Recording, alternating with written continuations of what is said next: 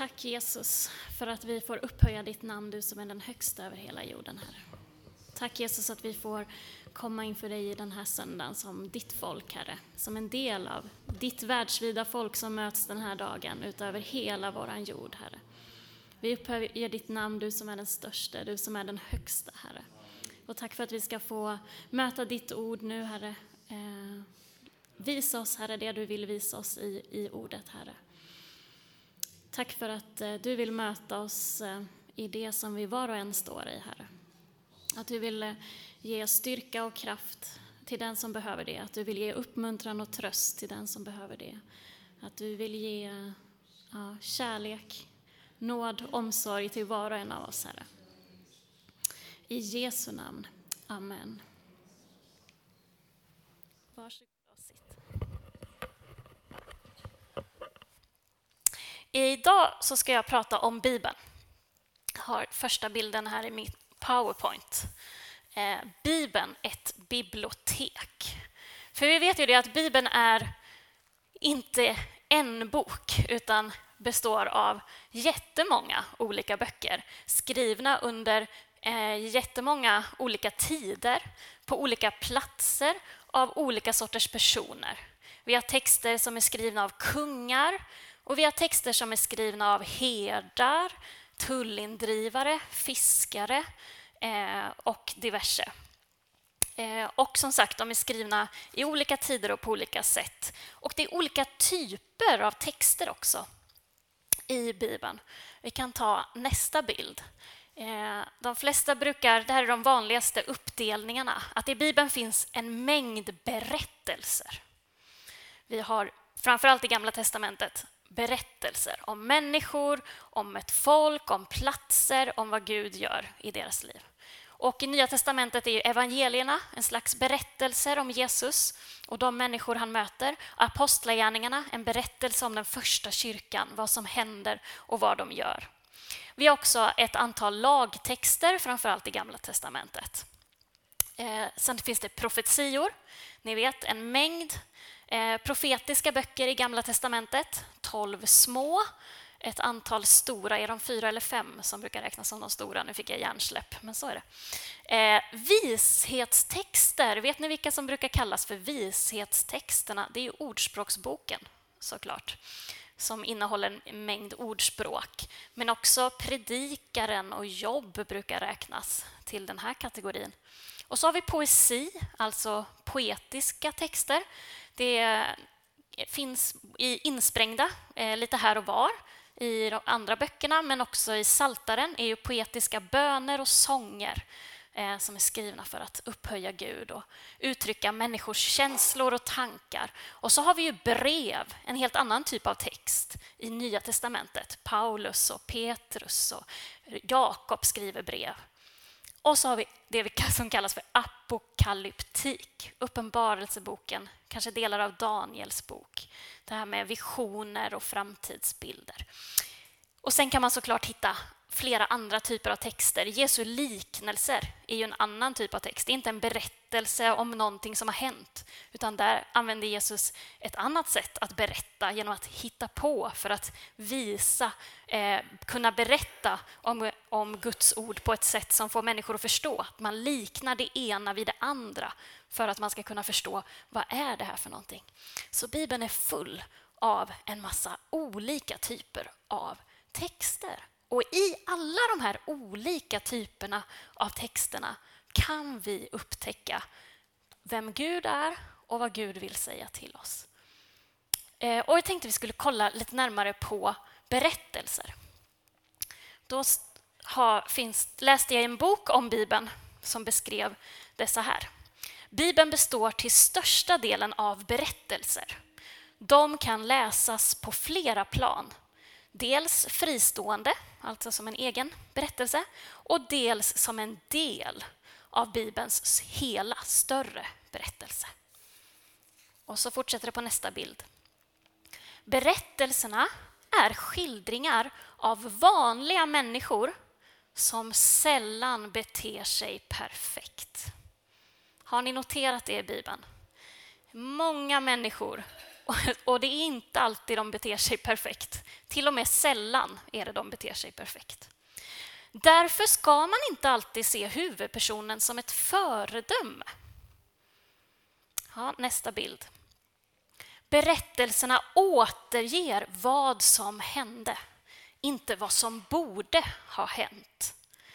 Och ibland kan det vara svårt att hitta ett budskap, speciellt eftersom berättarna sällan anger vad av det som händer som är bra eller dåligt.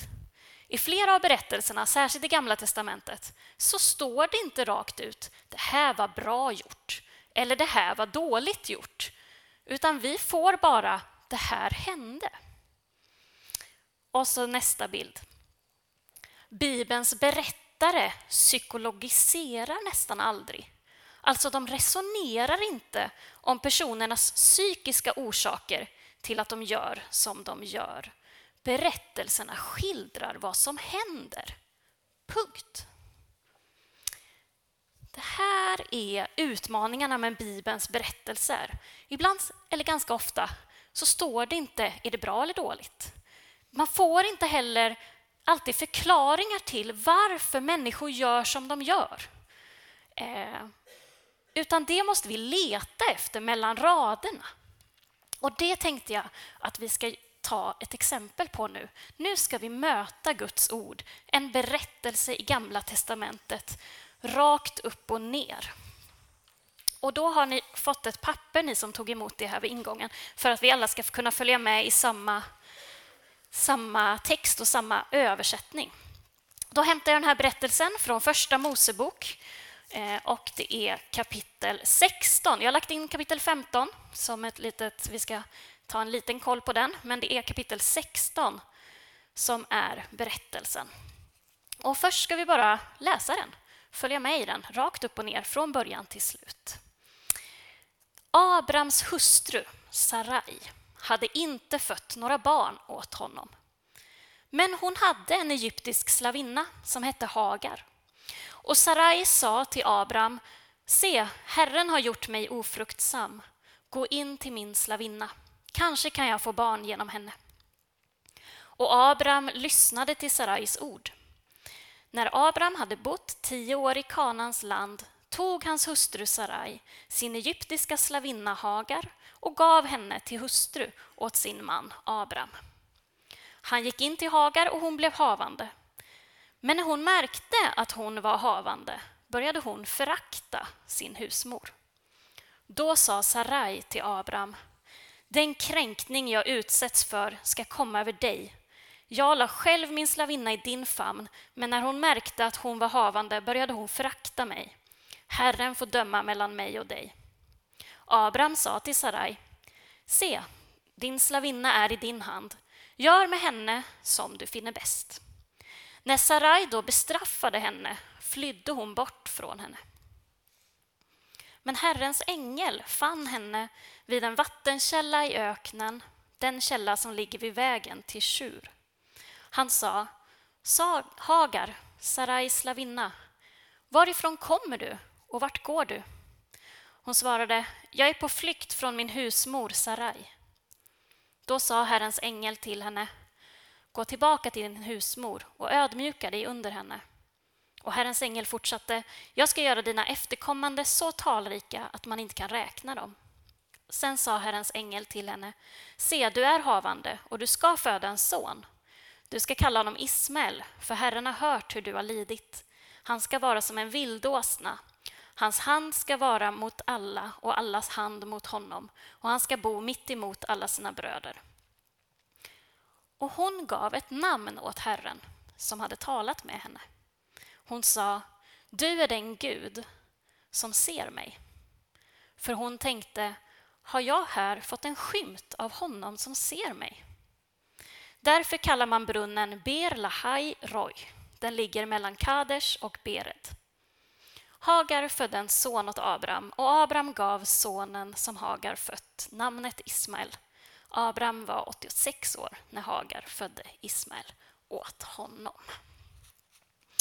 Ja, eh, det här är en berättelse som kanske flera av er känner igen när ni väl hör den.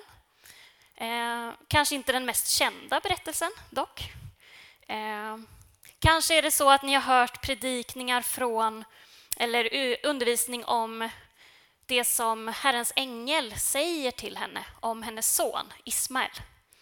Om det folk som han blir urfader till som då eh, sägs att han ska vara en vildåsna, hans hand ska vara mot alla, allas hand mot honom och det här, han ska bo mitt emot alla sina bröder. Då får man kolla eh, lite i så här, varför, vad menar de med mitt emot? Nu ska vi se. Ordagrant, framför ansiktet på, eller annan översättning öster om, alltså ett grannfolk till bröderna som ännu inte har kommit, men som vi som kan storyn vet att det kommer en till son som heter Isak. Och då kanske man har hört just eh, undervisning här om detta, att detta är araberna eller liksom de som är motståndare till Israel idag. Men när man har hört en text förut, en predikan eh, eller en undervisning om några verser, då kan det vara så att när man kommer till den här delen i Bibeln, då tänker man, ja ah, just det, det är ju den berättelsen, ja. Ja, Hagar och Ismael, och just det, då har jag ju hört det där, ja den här handlar ju om det där. Och så, och så går man vidare. Jajamensan, den handlar om det som vi har pratat om. Men det är också så viktigt att bara stanna upp inför bibeltexterna och läsa dem på nytt. Okej, okay, det här har jag hört om texten förut och, och, det är jättebra, men nu vill jag möta den på nytt och se, finns det något mer här som jag kanske inte har lagt märke till tidigare eller inte fått undervisning om tidigare? Så, vad berättar den här berättelsen om Gud och om människor. Vi börjar med att titta på människorna.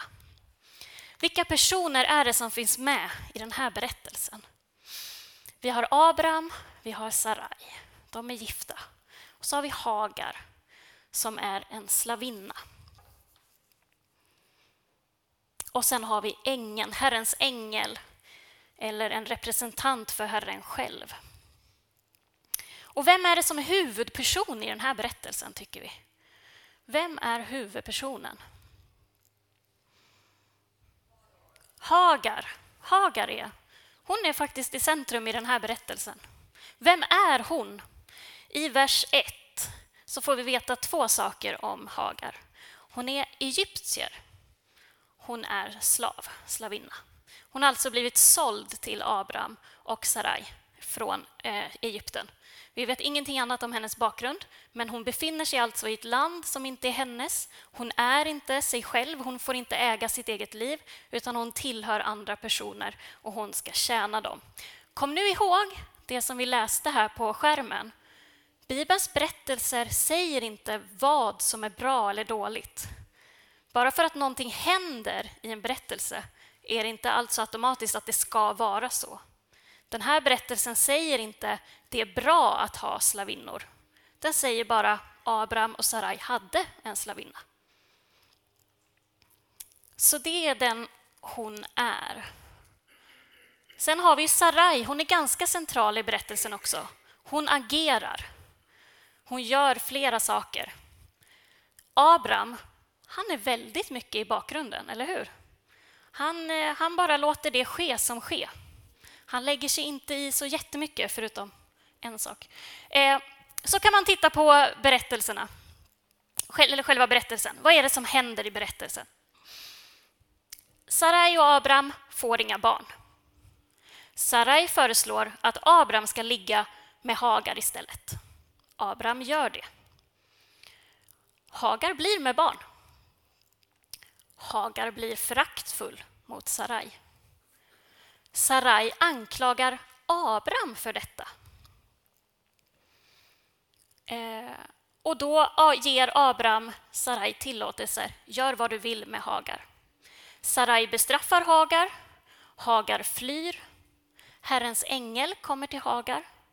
Han tröstar henne och uppmanar henne att gå tillbaka till Abraham och Sarai. Hagar ger Gud ett namn och Hagar går tillbaka till Sarai och Abraham och hon föder en son. Det är det som står. Så vi vet inte, eh, det står inte rakt ut vad som är rätt eller fel, men det här är det som händer. Det står inte heller rätt, rätt ut varför personerna gör som de gör. Vi får alltså inte, som det stod här, förstå riktigt psykologin bakom handlingarna. Så som det stod i den här beskrivningen. Berättelsen talar inte alltid om, inte alltid om vad känner de här personerna. Varför gör de som de gör?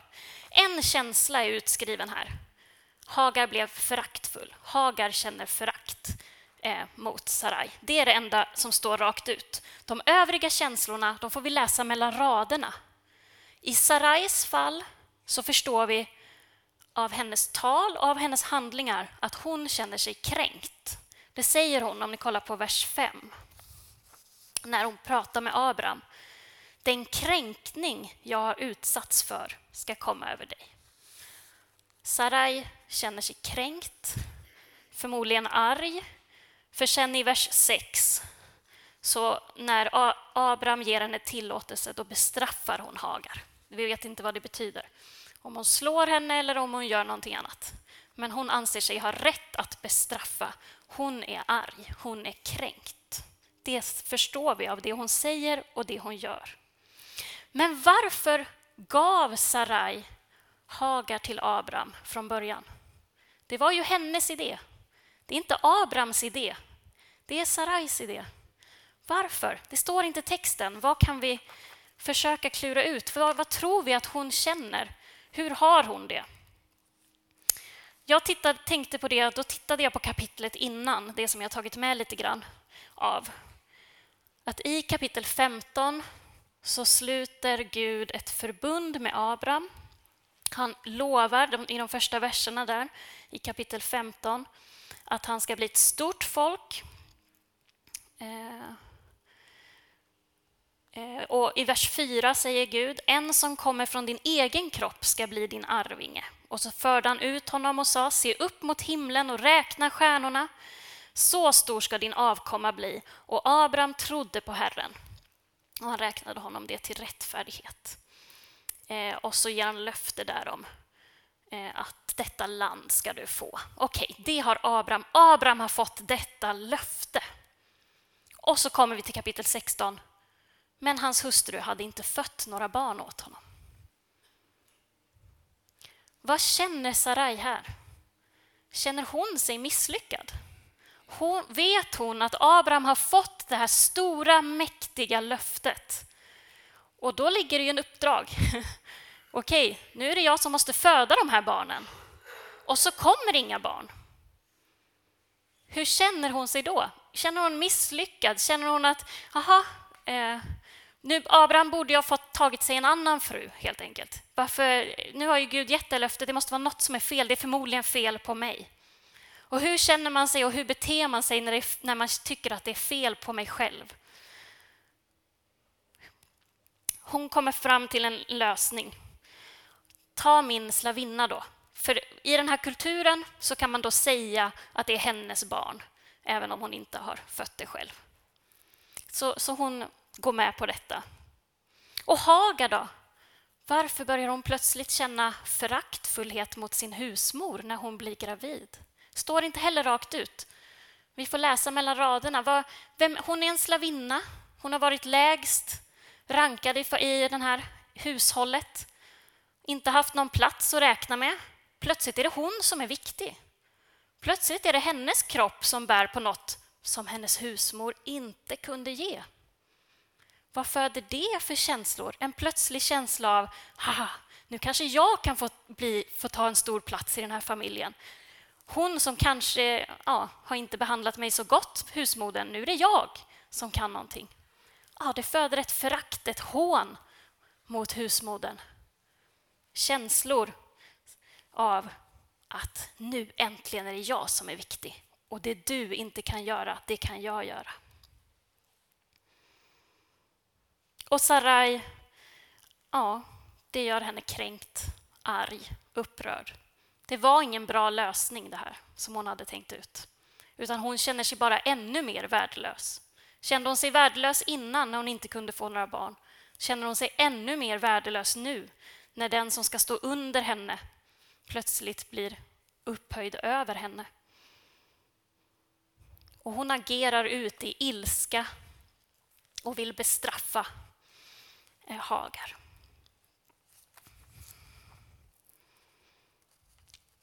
Och Abraham, som sagt, han håller sig i bakgrunden. Han, tycks, ja, han liksom säger varken bu eller bä. Han går med på Sarais förslag och sen när Sarai är arg då säger han det är din slavinna, gör vad du vill. Han är väldigt passiv i den här berättelsen. Han verkar inte riktigt bry sig om, han tar inte riktigt ansvar. Han varken hjälper sin hustru att känna sig värdefull eh, och han hjälper inte Hagar. Han drar sig undan. Varför gör han det? Vad, vad får oss ibland att inte vilja lägga oss i bekymmer som andra har? Att ja, ja, det där är deras, eh, deras fight. Gör som du vill, jag ställer mig vid sidan av. Vi vet inte exakt varför, men är det känslor vi kan känna igen? Ibland kanske. Så jag använder alltså det som faktiskt står i texten för att leta efter det som inte står i texten och försöka hitta vilka är de här personerna? Vad, vad är de med om? Vad är, vad är det de känner? Vad är det som styr deras agerande? Varför gör de som de gör? Vad berättar den här texten om människor för oss? Ganska mycket. Men vi går tillbaka till Hagar. Vad är det som händer Hagar ute i öknen? Hon, nu ska vi se, vers 7. Herrens ängel fann henne vid en vattenkälla i öknen. Han sa, Hagar, Sarais slavinna, varifrån kommer du och vart går du? Hon svarade, jag är på flykt från min husmor Sarai. Då sa Herrens ängel till henne, gå tillbaka till din husmor, ödmjuka dig under henne. Och så ger han den här långa förklaringen om hennes son och så kommer vers 13. Och hon gav ett namn åt Herren som hade talat med henne. Hagar är den första människan i Bibeln. Vi är ju inte så långt in i Bibeln än, vi är bara i kapitel 16. Som, men hon är den första människan som ger ett namn åt Gud. Som kallar Gud för någonting. Och hon kallar honom Du är den Gud som ser mig. Du är den Gud som ser mig. Och Det som är så spännande, som sagt, Bibeln spänner över många olika tider, skriven av många olika personer och berättar om många olika personer. Det här är en egyptisk slavflicka. I samhället ingenting värd. Hon bemödar sig Gud om att söka upp och möta på ett sätt som gör att hon kan sätta ett namn på Gud. Hon har fått en erfarenhet och ett möte av Gud, med Gud så att hon kan säga du är den som ser mig. Hon visste inte det innan. Ingen har talat om för henne att Gud är den som ser. Men hon får själv ett möte med Gud som gör att hon sätter ord på du är den som ser mig. Vad säger den här berättelsen om Gud? Gud är den som söker upp oss. När vi flyr bort från det som sårar, från det som skadar, från det som har, är oförståeligt eller svårt. Gud är den som söker upphagar, som talar till honom och säger han ställer också frågor, Herrens ängel. Varifrån kommer du och vart går du? Varifrån kommer du och vart går du? Var, varför är du på den plats där du är just nu? frågar Gud. Hur har du kommit hit och vart är du på väg? Hennes enda svar är, jag flyr, jag är på flykt. Alltså, hon är inte på väg någon särskild stans. Hon vet inte vart hon ska ta vägen med sitt liv eller med sig själv. Hon är bara på väg bort. Men Herrens ängel möter henne där. Han ger henne tröst och uppmuntran. Din son ska bli ett stort folk. Han säger också, gå tillbaka. Gå tillbaka till den plats som är din. Han har visat henne fullt ut att han ser henne. Ser hennes situation, ser den hon är. Men han ger henne också en riktning. Ja, du var på väg bort ifrån det där, men gå tillbaka. Det där är din plats, det där är ditt hem. Du har en uppgift att fylla där. Du själv tycker att det är tungt, du själv tycker att det är svårt, du själv förstår inte riktigt. Men gå tillbaka. Jag ser dig, jag är med dig. Det där är din plats. Det är berättelser som den här, med flera i Bibeln, som gör att vi kan säga Gud möter oss personligt. Vi tror inte på en Gud som är en allmän kraft, en allmän eh, känsla, eh, någonting diffust, långt borta. Utan Bibeln berättar för oss om en Gud som möter oss personligt, som talar till oss och som vi kan sätta ett namn på. Nej, vi vet inte allt om Gud. Hagar vet inte allt om Gud, men detta vet hon om Gud. Han har sett mig. Du är den Gud som ser mig. Och därför kan vi tala om att det personliga mötet med Gud är det som är det viktiga. Det är det Gud vill med varje människa. Möta oss personligen. Att vi får en erfarenhet. Inte först och främst att alla andra talar om för oss vem Gud är. Det är en bra start att få veta att Gud finns.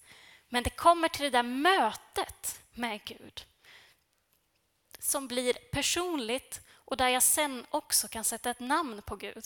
Så här mötte du mig. Och någon annan sätter ett annat namn på Gud, för Gud kanske mötte på ett lite annorlunda sätt. Därför att Gud möter oss personligen.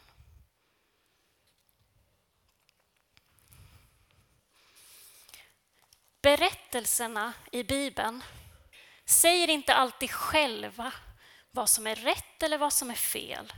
Men genom att möta människor, läsa om människor som har mött Gud, så får vi en bild av vem är Gud? Vem är jag? Och hur kan jag få möta Gud? Hagar mötte Gud som den som såg honom, henne. Hur har du mött Gud? Och hur längtar du efter att få möta Gud? Vi ber tillsammans. Vi tackar dig, Herre, för att du är den som vill möta oss personligt, var och en. Att du är en, en Gud som på något sätt har form, har egenskaper, har sätt som vi kan sätta namn på vem du är, Herre. Vi kan sätta namn på dig därför att vi har mött dig. Att du är den som gav kärlek i en viss situation. Du är den som gav tröst i en viss situation. Du är den som gav hopp och nytt liv i en viss situation. Herre, vi kan inte omfatta allt av vem du är, för du är så mycket större än vad vi kan förstå eller tänka. Men du möter oss personligt och vi kan sätta namn på det mötet.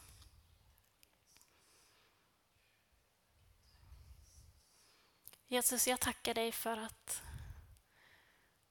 du är den som ser oss.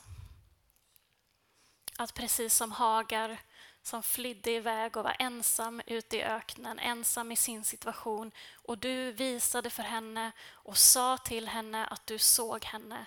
Så ser du var och en av oss. I den situation vi är i och du ser varje människa, Gud. Och du ser att ibland vill vi fly, fly från vårt ansvar eller fly från det vi har gjort fel, fly från det vi skäms för, eller fly från att saker är förvirrande eller svåra eller tunga. Herre, hjälp oss att fly till dig med alla de sakerna. Och att förstå att din blick är en befrielse. Du ser inte på oss för att döma oss, utan du ser på oss för att befria oss. Din blick som är full av bekräftelse, av vilka vi är, skapade till din avbild, kallade av dig, utrustade och av dig, Herre. Låt oss, hjälpa oss att leva under din blick. Se upp på dig och få vårt eget möte med dig. Igen och igen.